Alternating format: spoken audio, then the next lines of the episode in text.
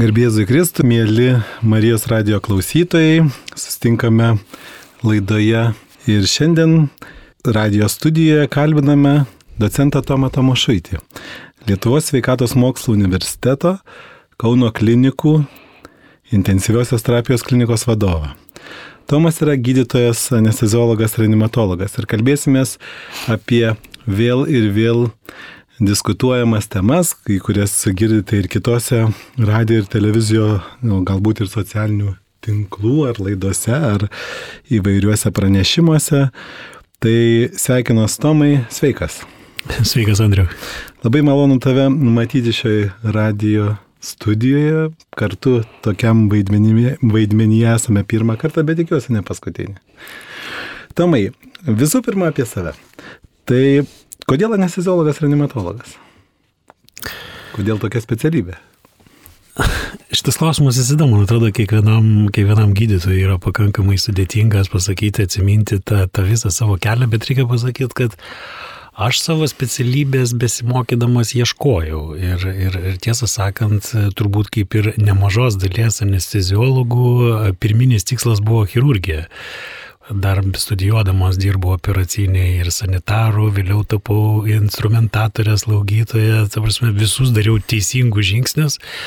Ir tada pradėjo vat, anesteziologai aplinkui kažkur kreipdėmėsi ir jie kažką daro. Tai tas anesteziologinis e, tuo metu pagalba, tarkim, prieš, prieš jau 20 metų, gerų 20 metų ir truputį daugiau, netgi 25 metus, jinai tokia buvo dar gana grubi, bet aš pajaučiau, kad ta specialybė iš principo turi perspektyvą ir, ir kad joje bus galima daug nuveikti. Ir tada aš pasižiūrėjau į savo pirmąją meilę chirurgiją ir supratau, kad čia labai daug per tos tūkstančius metų jau yra nuveikta, yra labai susistovėję aiškus hierarchiniai santykiai.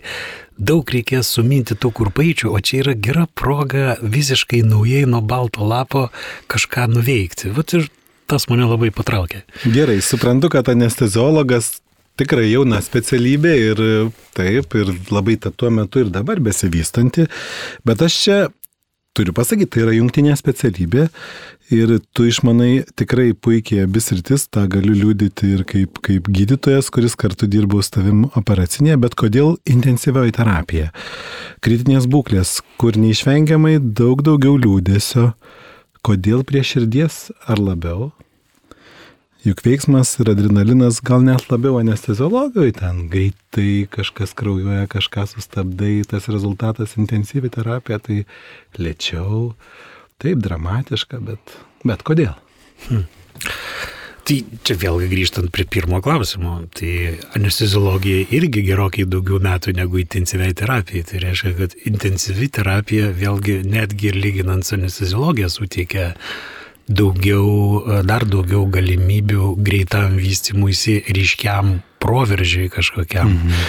Ir aš, Andriau, e, bent jau matydamas visą dinamiką, sakyčiau, kad intensyvi terapija atvirkščiai yra galbūt ypač dirbant universitetiniai ligoniniai, kur mes turim pačius sunkiausius pacientus, tai intensyvi terapija turbūt yra tas rytis, kur protingai uh, parenkant savo, savo pastangas, protingai jas nukreipiant, žinant, kuriem pacientam gali padėti, kuriem ne, intensyvioje terapijoje tų liūdėsio galbūt yra mažiau negu, tarkim, mum įprastose terapinėse specialybėse, tarkim, tokiai neurologijai ar, ar, ar, ar onkologijai.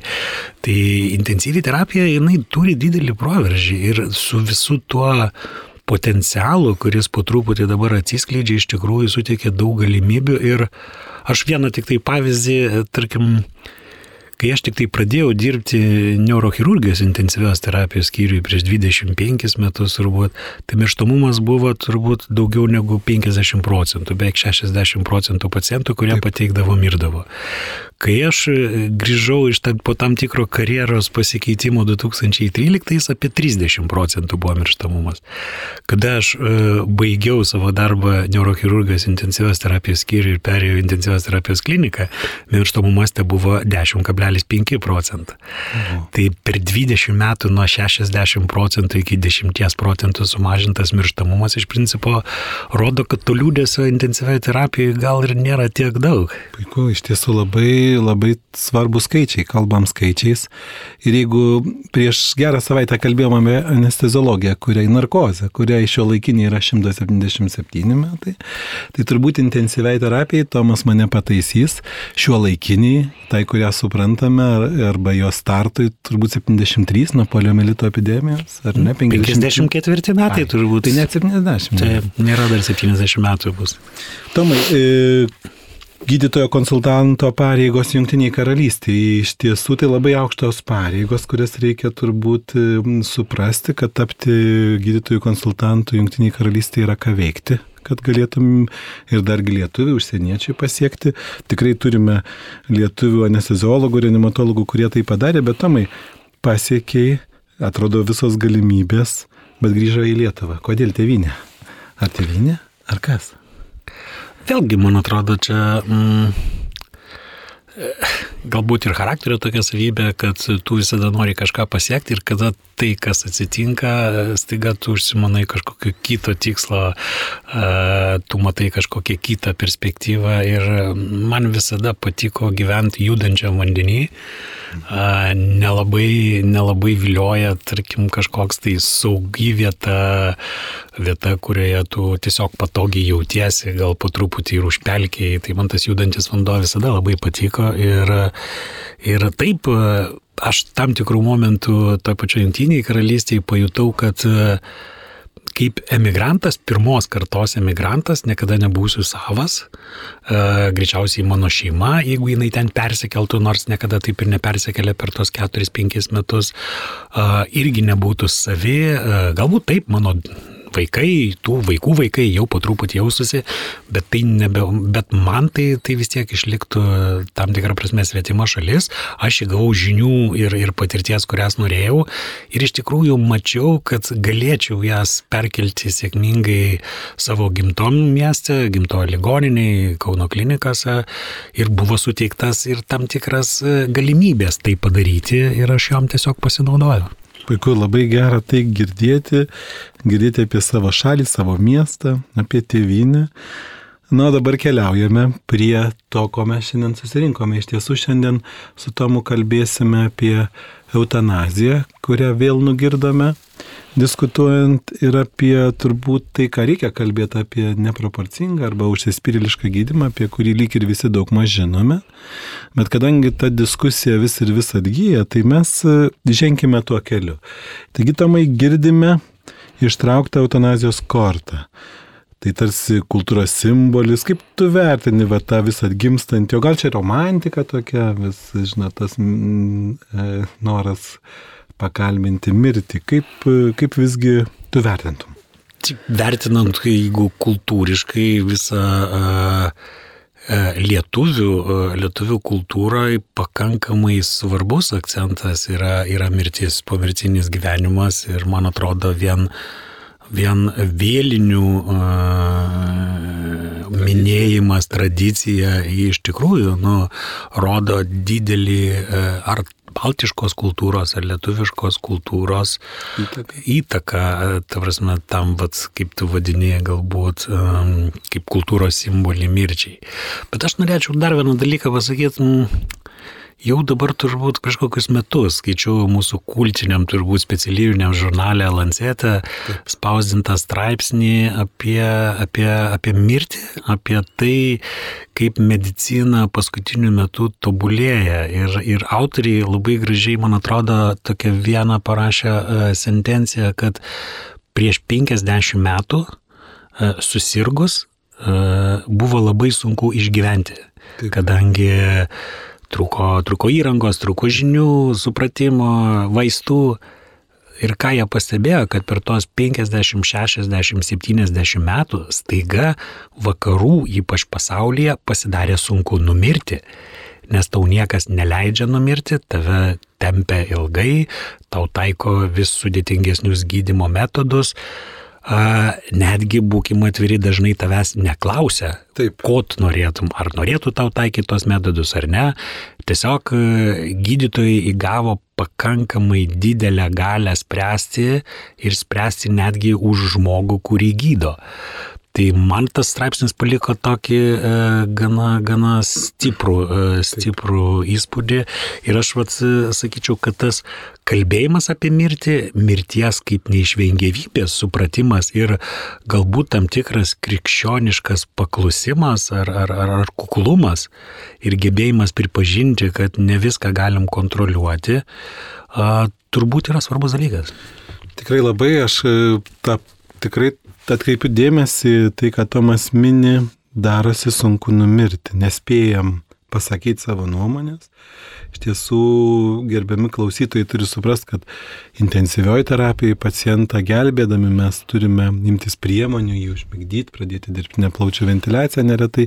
Ir žmogus tuo momentu nebegali pasakyti. Ir vad prasideda ta riba, kur tu turi suvokti ir pats nepaslaptis spėti pasakyti, bet ta aiški pozicija tikrai labai svarbi, bet ir gydytojai, ir aplink esanti bendruomenė turi taip pat pagalvoti, ar, adek, na, ar iš tiesų tas gydimas yra taikomas proporcingas, ar jis nėra užsispyrėliškas.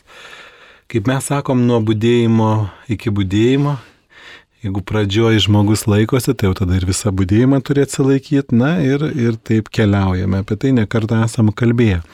Kaip tvarkosi kitos šalis?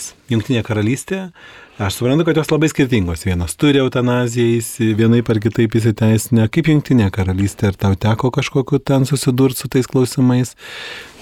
E, kaip ten? Reikia pasakyti, kad e, aš išvykau į Junktinę karalystę 2008 metais. Tai 2008 metais e, Lietuvoje aplamai nebuvo jokių diskusijų apie gyvenimo pabaigą ligoniniai. Ligoniniai žmogus galėjo numirti tik tai išnaudojus visas absoliučiai mums žinomas medicinos priemonės. Ir neproporcingas, aišku. Na, tokias, kokios buvo žinomos, tokias visada ir taikydavom. Nesvarbu, kad pacientas serga beviltiška lyga, ta lyga yra toli pažengus, kad jisai, tarkim, jau metai laiko neišeina iš ligoninės, visas gydimas jam prieš tai buvo taikoma, vis tiek tas žmogus bus gaivinamas, vis tiek tam žmogui bus taikomos visos reanimacinės priemonės, jisai bus izoliuojamas, jisai bus vienas, artimieji jį lankys net ir tą, kaip čia pasakyti, paskutinį gyvenimo etapą tik tai per lankymo valandas, galbūt mhm. kartą, kartą per dieną valandą laiko, gal ir mažiau, priklausomai nuo situacijos intensyvios terapijos skyriui. Reiškia, tu mirštis vienišas, e, apleistas, aplink tave yra nepažįstami žmonės, kurie keičiasi kas pamainą, tau daro daugybę procedūrų, kurių prasmės nei tu nesupranti, e, iš dalies kartais nemato net ir pats personalas, e, tų, bet tiesiog tokia tvarka taip reikia daryti. Tai nuvažiavus į Junktinę karalystę man pagrindinis buvo kultūrinis turbūt šokas, kai aš tapau konsultantu ir mane pradėjo kviesti į aptarimus dėl ligonio prognozės. E, visiškai neįprastas dalykas, aš puikiai žinojau, kaip reikia gydyti žmonės, kaip reikia pradėti gydimą, kaip įtesti, ką aš dabar turiu daryti, aš daug skaičiau ir stengiausi, kaip išgelbėti tą gyvybę, ką aš dar čia galėčiau sugalvoti.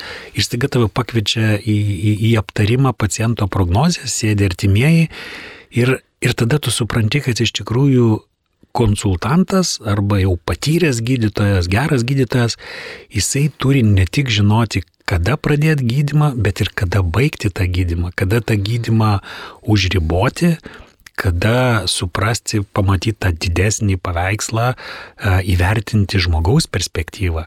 Ir, ir iš tikrųjų tai buvo tokia, na, keičianti patirtis. Man labai ir patiko to pačiu, ir, ir, ir patiko, ir man buvo iš pradžių nesuprantama, bet paskui galbūt labiau aš įsenau artimųjų požiūris. Artimieji e, toj šalyje bent tuo metu pasitikė sistema, Ir net jeigu aš esu, tarkim, užsienietis, akivaizdžiai kalbu su akcentu, bet aš esu gydytojas, aš esu tokiuose, tokiuose pareigose ir jie manim pasitikė dėl to, kad jie pasitikė sistema. Ir jie, jie išklauso tavo nuomonės ir kas įdomiausia, dažniausiai jie žinodavo ir savo artimojo nuomonę apie gyvenimo pabaigą kur jisai norėtų būti tam tikrų metų, kai bus labai blogai. Ar jisai norėtų būti, tarkim, gaivinamas, ar jisai norėtų būti intubuojamas, ar jisai mhm. norėtų kažkokių vaistų, kurie labai ilgai palaikytų jo kraujospūdį be iškios perspektyvos pasveikti.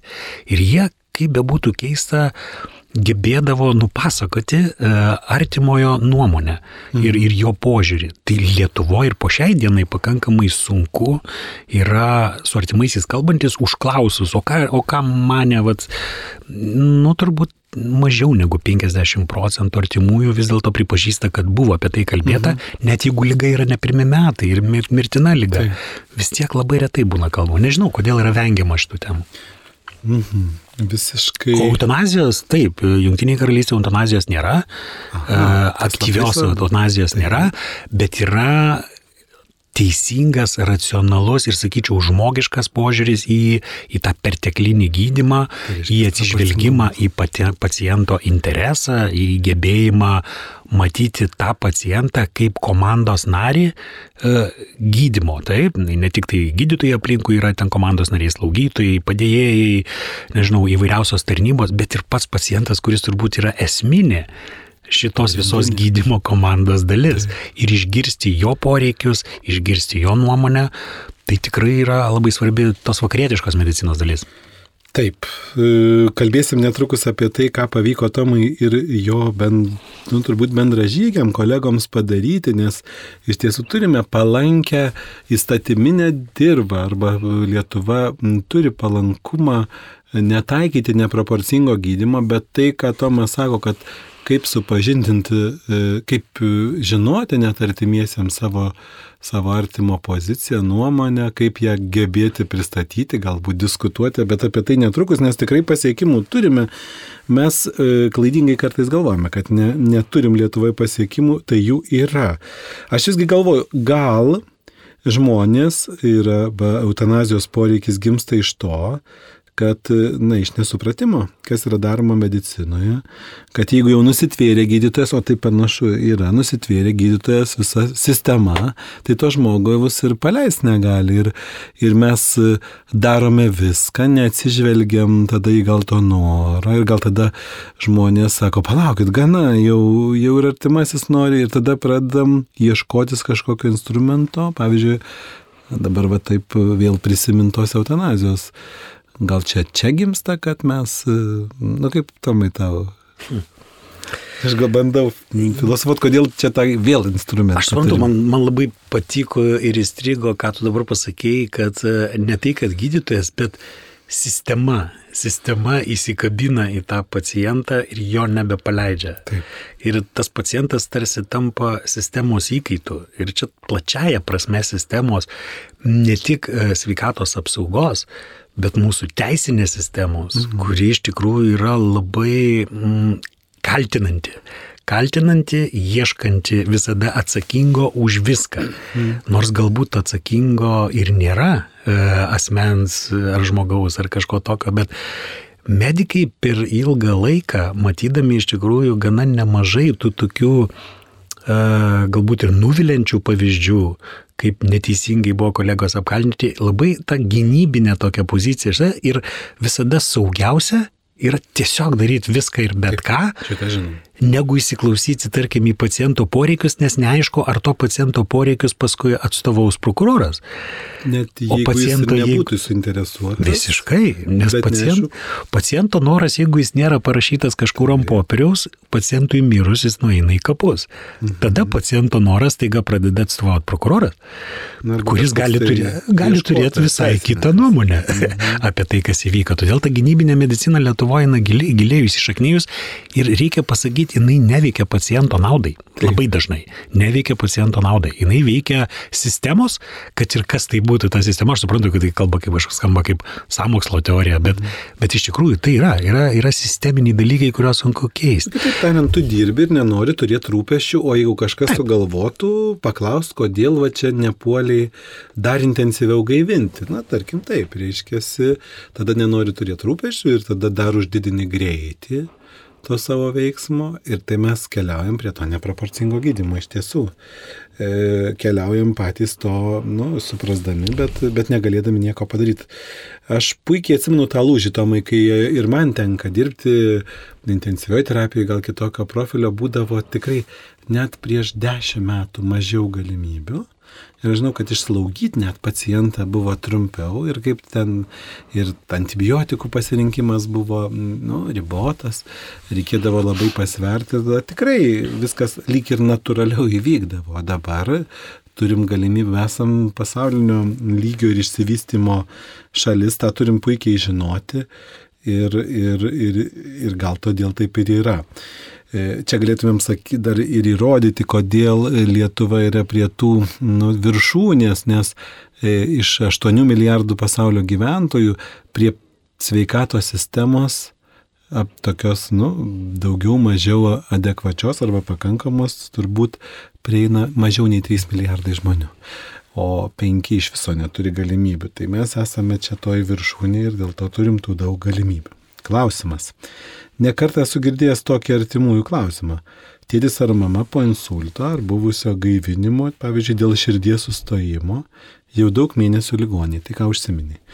Būklė vegetacinė, reiškia, sąmonės nėra, e, kažkokie, nu, e, žinom, turbūt galim sakyti, likučiai, e, būklė vegetacinė ir kada baigsis kančios, kyla klausimas.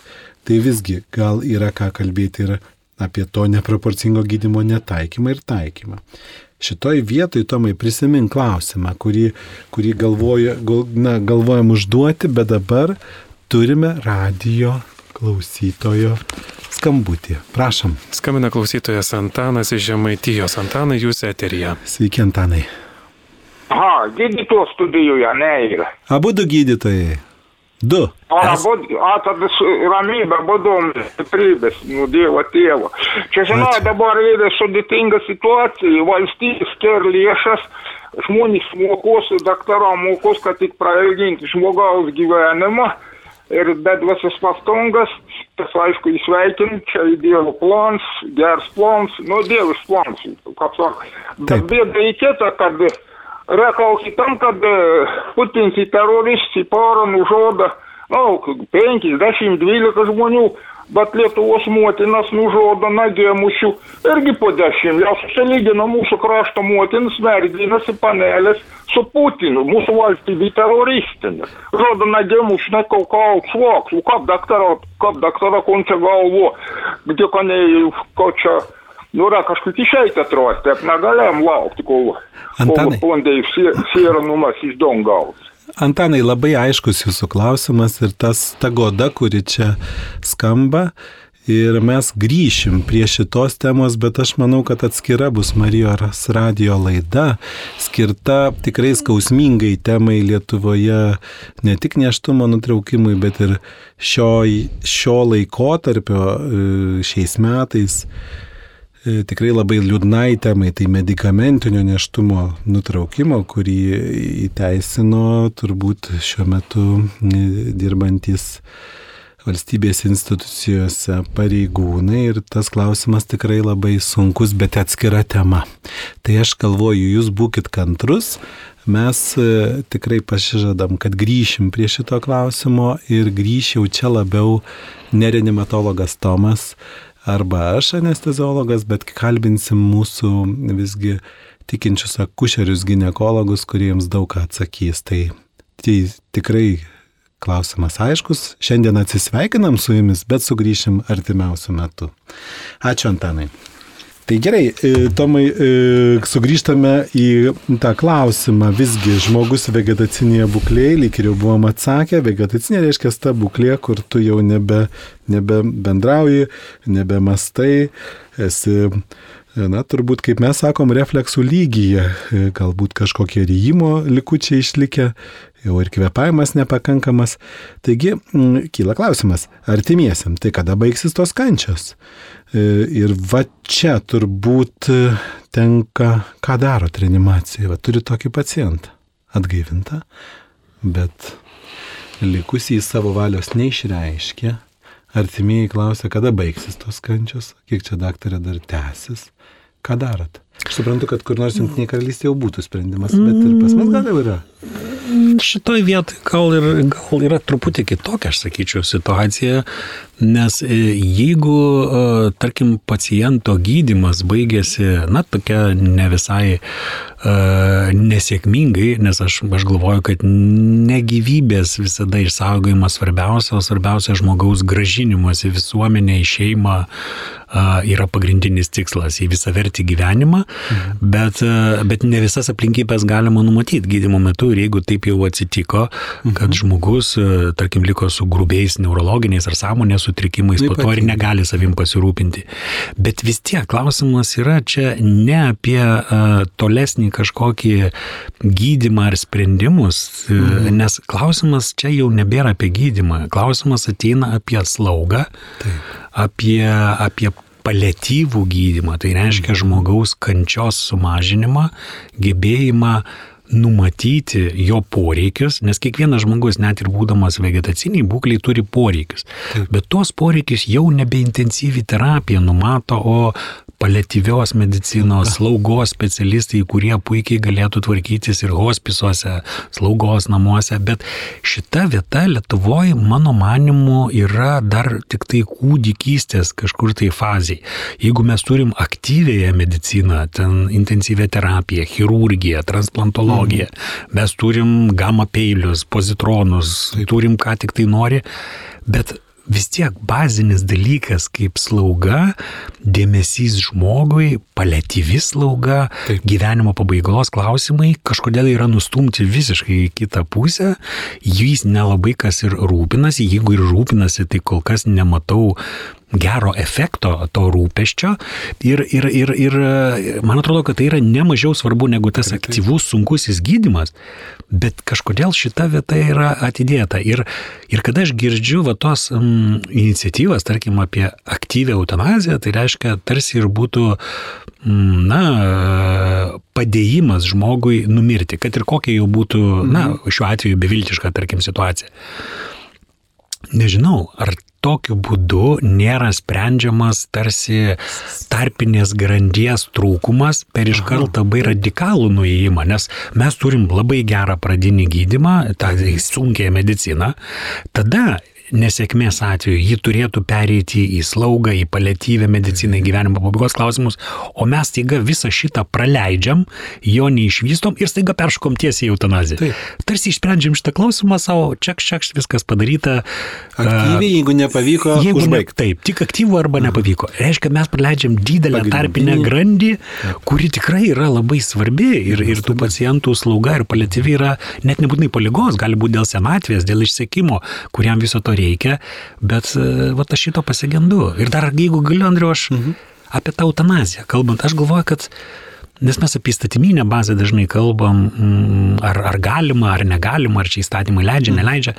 Man atrodo, kad e, eutanazija, gyvenimo pabaigos klausimai, tai nėra apie įstatymus. Tai apie visuomenės brandą, mhm. apie pasitikėjimą vieni kitais, apie pasitikėjimą sistema, ką mes kalbėjom, kaip Anglijai pasitikė tiesiog sistema žmonės, suprantu, kad ne visi, bet dauguma, apie vieni kitais pasitikėjimus reiškia, nes aš kaip gydytojas vis dėlto esu tos bendruomenės narys. Mhm. Tai nebūtinai mane žiūrėt kaip į kažkokį tai visiškai iš sistemos žmogų ar ten kažkokį gydytoją ar vadovą ar dar ką nors. Aš tiesiog esu bendruomenės narys ir aš norėčiau, kad pasitikėtų manim tada kaip bendruomenės, kaip visuomenės mhm. nariu. Ir to šiek tiek pasigendu Lietuvoje. Ir man atrodo, kad čia juk įstatymai, įstatymai, Seimo nariai ir visa kita šito nepakeis tol, kol nepasikeis šiek tiek pati visuomenė visuomenė. Nustosim įtarinėti, ar ne? Nuolat, nuolat įtarinėti, nuolat mhm. ieškoti kaltų, nepripažinti kažkokių neišvengiamų dalykų. Mhm. Bet čia turbūt ateina per visuomenės ramybę, per tam tikrą ilgesnį jos uh, ramų gyvenimą, tarkim, taip mhm. šalies. Juk mūsų šalis yra tokia amžinai blaškoma, turim ten mhm. keliasdešimt metų ramesnį periodą ir vėl kažkas nutinka ir vėl. Ir mhm. galbūt jau vos ne genetiškai gaunasi toksai, na žinot, Neramumas. mes nepasitikim niekuom, pasitikim vat labai labai tik tai savim, na gal artimiausiais, bet bendruomeniškumo mažoka, bet gal čia yra tiesiog jau dėl tos sunkios mūsų istorijos ir panašiai. Ir čia tam reikia tiesiog ilgesnio laiko subręsti kaip visuomeniai, nes iš tikrųjų tikrųjų, juk e, eutanazija arba tos e, labai rimtai apie mirties klausimus šituo atveju, nu, aštuonios šalis pasaulyje tik tai turi. Aha. Legaliai eutanazija yra tik aštuoniuose šalyse, aktyvi eutanazija. Tai, tai kokios subrendimo šalis? Ir mes kalbame apie Belgiją, Olandiją, kur, žinot, ir, ir lengvėjai narkotikai teisinti, ir, ir, ir, ir vis įvairiausi gydymo apribojimai. Žmogaus laisvė, liberalumas tose šalyse yra aukščiau visko. Žmogus ir jo artimieji patys sprendžia, ko jie nori, kaip būti, ką daryti. Tai mes kol kas tikrai nu, nesam vienam lygmenį pasitikėjimo vieni kitais e, žmogaus laisvės, tos vidinės laisvės atžvilgių, kaip tarkim Olandija, Belgija, Kanada ir Australija. Nu, tokia Australija, jinai karų niekada nemačius, jinai gyvena visą laiką savyje, gali bendruomeninius ryšius vystyti labai ilgai, kaip ir Kanada tokia, ir kur čia vidury Europos ir mes va ant to Suprantu, aš vis galvoju dėl tos slaugos sugrįžti, kas yra labai svarbu ir turbūt daug kas susidėliotų. Aš tai visgi manau, kad ta slauga vystosi ir labai stipriai, bet sutinku su tomu, kad pradžiai sunkioji medicina pažengė, slauga vėluoja, taip, bet, bet aišku, tų gražių pavyzdžių yra. Aš pastebiu kitą tomai dalyką. Tarkim, nutariamas yra žmogus yra slaugomas. Tikrai vegetiniai būkliai, maitinamas, ten nuskausminamas. E, visai kaip e, prižiūrimas, vartomas, e, kas tik galima taikoma, tarkim, ir taip yra Lietuvoje, jau tų pavyzdžių labai yra gerų, jis yra palėtyvios slaugos aplinkoje ir staiga kažkas nutinka, jį staiga iš tos palėtyvios slaugos, nu turbūt galim sakyti, permeta į aktyvaus gydimo įstaigą, nu ir vėl jinai neturi ką daryti ir vėl prasideda, užsiveda tas ratas. Lyg ir turėjo žmogus gyventi savo tą kelią, kelią nieks nepasikeitė, sąmonė neatsistatė, jisai yra. Kaip, ar, ar turit tokių ligonių ir ar tai nėra reta? Aš manau, kad tai klasikinis pavyzdys iš, e, iš to tokio beviltiškos medicinos, demotivuojančios medicinos e, krepšelio, mhm. kada pacientas jau ilgą laiką yra slaugomas. E, Tarkime, kad ir su amžium susijusios lygos, na, tarkim, Alzheimeris žmogui yra, Parkinsonas lygos, lygos, kur žmogus tikrai nebežino nei kur jis yra ir taip daug metų, jis yra pilnai priklausomais nuo aplinkinių. Ir, ir staiga jam, nežinau, atsitinka kažkokia gal ir umita problema, bet, mm bet iš principo jinai nekeičia visos gyvenimo perspektyvos. Ir trajektorijos. Ir, ta, ir trajektorijos. Ir tas žmogus tiesiog vėl patenka į ligonę ir jis vėl pradeda suktis per tą aktyvios medicinos ratą. Nors to žmogaus e, gyvenimo tiekmėje plačiaja prasme niekas nepasikeitė. Mhm. Jis tiesiog eina. Tai aš, aš kartais pasigendu gal ir kolegų to tokio supratimo, o tai kaip žmogus turi mirti Lietuvoje. Būtinai naktį, kai niekas nematė, mhm. nes tokios mirtys yra priimamos. Na taip, nepastebėjom, numirė kažkur, va iš ryto atėjo į palatą slaugoj ir, ir, ir, ir taip jau atsitiko, bet, bet iš kitos pusės, nu, mes turim ir supras, kad mirtis yra neišvengiama e, ir, ir ypač tokių situacijų metu. Gerai. E, suprantama ir Tomai mes visgi turime kažką pasiūlyti. Mes kalbame apie paliatyvios slaugos svarbą, apie slaugos svarbą, kuri galbūt e, užgesintų masę klausimų. Mes kalbam apie adekvatų skausmo medicinos taikymą, kad žmogus nejaustų skausmo ir nesieškotų tos, to sprendimo, tarkim, per eutanaziją, kaip, kaip spekulacija. E, Du dalykai - paliatyvi slauga, tikrai kokybiška slauga, skausmo medicina. Bet visgi, ką mes padarė Lietuvoje, nedaug laiko mums lieka, ką mes esam padarę Lietuvoje e, dėl paciento, dėl žmogaus ge- gebėjimo pareikšti savo valią. Tikrai žinau, kad Kauno klinikose esat e, pasiekę e, jau tų tokių praktinių įgyvendinimo ir kitose ligoninėse jau to atsiranda, kur galima arba žmogų išgirsti, arba galbūt visgi diskutuoti, kaip, kaip yra, kokie tie pasiekimai pas mus. Ko anksčiau nebuvo, turim pripažinti, lyg ir buvo galima negaivinti, bet na, praktiškai tai buvo neįgyvendinama. Negaivint galima buvo tik tai dviem atvejais. Arba tai yra nebejotinos mirties požymiai, tai lavoninis sustingimas, kada jau žmogus jau senai miręs, tai jo galima ir negaivinti. Taip. Arba yra pavojus pačiam gaivinančiam sergančiajam. Na, ta prasme, taip, aš gaistre į gaisrą neturiu lipti, kad kažkam suteikti Aišku. pagalbą. Jeigu tai nesaugu man pačiam. Daugiau viskas, visais kitais atvejais buvo privaloma gaivinti. Mhm. Ir, ir, ir, ir neįsiklausant į žmogaus valią. Ir mes tikrai girdėdom anksčiau tokių klausimų. Ir, ir, ir, ir sak, sakydavo, žiūrėkit, šita būklė tokia bloga. Ir, ir ta prasme, mes suprantam, na, tarkim, vėžys yra plačiai išplėtęs. Ir mano artimasis miršta, artimieji taip, sako. Bet ar reikia čia į tą reanimaciją, reikia to gaivinimo. Sakai, žinot, bet šitoje situacijoje niekas čia jūsų labai ir neklausia. Aha. Nes mums reikia saugotis prokuroro per petį, neaišku, kuris čia iš jūsų kitų giminių pasiskūs ir mes viską tai darysim. Ir nebuvo mechanizmo. O dabar e, iš tikrųjų Lietuvoje jau, jau, jau du metai veikiantis yra įstatymas, kada žmogus pats gali pareikšti valią ir, ir, ir prašyti gydytojų įvertinti konsiliume šitą jo valią, tą beviltiško gaivinimo. Ir aš apie gaivinimą kalbu tą tokią siaurąją prasme, tai yra krūtinės paspaudimai, žinot, dirbtinis mhm. alsavimas, toksai, va, kaip mes suprantam, tai visų šitų priemonių gali žmogus tiesiog raštu atsisakyti, pateisinamai ir, ir, ir jo valia privalomai bus gerbiama. Ir lygiai taip pat gydytojai, matydami beviltišką paciento būklę, galbūt pacientas nežino apie tokius dalykus, kad jisai turi teisės, jisai gali atsakyti, sakytą, privalo šiuo metu pasiūlyti pacientui pagalvoti, ar jisai tikrai, mes nekalbam apie gydimą aplamai jo, tarkim, antibiotikus, ten skyščius, nežinau, kažkokią tai hemodializę. hemodializę, gal ir, ir chemoterapiją, jeigu tai yra auglizė, bet apie paprastą, brutalų gaivinimą, kuris net ir sveikam žmogui gaivinimas yra labai mažas sėkmės procentas tik tai. Tai tokiu atveju šitiem pacientam tik tai garantuota, vad kur minėta, pačio ta tokia vegetacinė būklė, sunkios išeigos ir dar daugiau kančių. Mes privalom kaip medikai pasiūlyti šitą įrankį artimiesiam pacientam pagalvoti, apgalvoti ir gerai paaiškinti prognozes, kuom visa tai gali baigtis.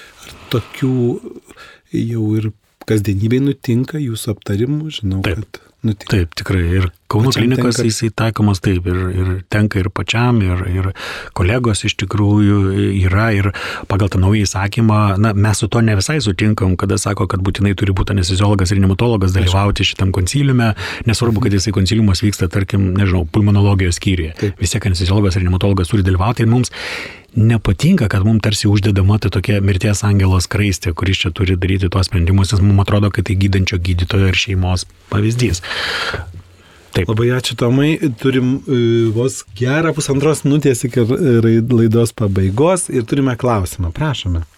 Skambina klausytoja Adelė iš Kauno, turi klausimą apie slaugą. Turi klausimą apie slaugą klausytoja Adelė. Prašom, malonu girdėti Adelę. Sveiki Adelė. Vat aš norėjau, norėjau užduoti tokį klausimą. E, aš pirmos grupės invalidė nuo 94 metų. Ir man, kai grupė davė, buvo parašyta pirminiam būtina slauga. Bet aš dar truputį judėjau, aš iš pradžių neėmiau tos slaugos. Nu, neėmiau, nu, ai, valdiškus pinigus čia dabar Taip. O dabar aš jau trys metai, ketvirti turbūt, keturi jau turbūt. Aš ne, nebevaikštau, man įsėtinė sklerozė ir man nuo galvos. Pas mane e, magnetiniai rezonansus daro, tai galva prisnikai prisnikta. Taip. Ir aš, man jinai sveiksta, aš, kojos mano sveikos, bet aš negaliu į šoną pažiūrėti, negaliu į viršų, ne į apačią aš griūnu. Taip. Suprantat? Adėlė, ir dabar suprantam. gydytojas suro, visi gydytojai mane praėjo, visi. Taip. Lygų rado bent pusę šimto turbūt. Taip. Ir slauga surošė dokumentus, nunešė į komisiją. Taip. Komisija viskas gerai, viskas tvarkoj. O slaugos neduoda, reikia samdyti advokatą, e, perduoti jam dokumentus, jis eis į prokuratūrą. Jeigu prokuratūra sutiks, tai neš į teismą, jeigu teismas priteis, tada duos slaugą. Tai va jau dabar treti, trys jau turbūt metai. Dėl to slaugos eina va toks va. Visur reikia laukti. Po, po tris, po keturis mėnesius. Taip, Adėlė. Puikiai Va. suprantam tą bėdą, kurią turite. Jis ne, nėra ta tiesiogiai medicinos ir slaugos problema, čia yra teisinis klausimas, kaip tą įgyvendinti. Ir tikrai e, suprantam, kad stengiasi valstybės institucijos tą spręsti kiekvienam žmogui, bet tai tų atvejų yra įvairių. Ir šiandien turbūt nespėsim išanalizuoti, nes jau mūsų radio ir laida baigėsi. Tai Adelė, tikrai aš suprantu, kad tai, kas priklauso žmogui, turi priklausyti. Ir, na, linkim kantrybės, šiandien toliau, jeigu ta slauga tikrai pagal būklę priklauso, jinai turėtų vienai per kitaip jūs pasiekti tą, ko jums reikia. Ačiū Jums labai.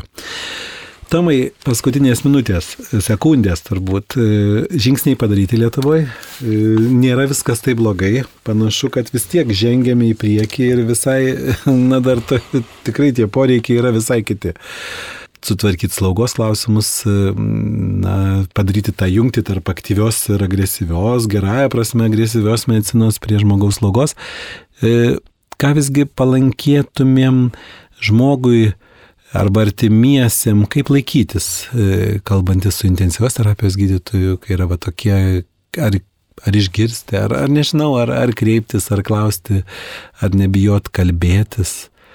Ką aš galvoju, kad tikrai čia labai, yra. labai geras yra pasakymas ir uh, kartais mūsų žmonės galbūt ir uh, per mažai klausia, per mažai klausia, per mažai, e, e, kaip čia pasakyti, konkrečių klausimų užduoda. Nebijokit klausti, nebijokit klausti apie prognozę, nebijokit klausti gydytojų apie taikomą gydimą ir kas gali būti dar padaryta ir ar tai racionalu. Bet man atrodo pats svarbiausias dalykas tai turbūt vis tiek mums visiems šeimose iš principo pasikalbėti, kas būtų, jeigu būtų ir gyvenimo pabaigos klausimai. Jeigu mane ištiktų nelaimė, aš neteksiu sąmonės ir būsiu vienokia ir kitokia būklė. Ar aš norėčiau, kad man būtų daroma tokie veiksmai medicininiai ar kitokie, tai labai palengvina artimųjų apsisprendimą, tas pokalbis, tas žinojimas, kokia, kokia yra to paciento valia pačio. Tai šitas, man atrodo, pats svarbiausias dalykas. O žinoma, medikų reikia klausti, reikia klausti atsakymų ir, ir, ir, ir dar kartą jų vėl iš naujo. Jo, ačiū labai Tomai, ačiū už pokalbį. Tikrai turbūt galiu sakyti, kad nenorėčiau, jeigu man nutiktų taip, kad tektų būti negryžtamai kokiai vegetaciniai būklėjai, būti e, neproporcingai gydomam, tempiamam, vardant kažkokio, tai taip susitaikyti reikia artimiesiam, tai užtrunka gana aišku ir netokį ilgą laiko tarpą, galbūt atsisveikinti reikia, bet kad tai netaptų kažkoks neproporcingas, užsispyriliškas gydimas. Ir to tikrai norim linkėti. Ačiū Tomui. Ačiū Andriu. Tomas Tamošaitis, docentas Kauno klinikų Lietuvos sveikatos mokslo universiteto ligonės intensyviosios terapijos klinikos vadovas, o kartu studijoje buvau aš, Andrius Macas. Ir iki kitų susitikimų. Sudie.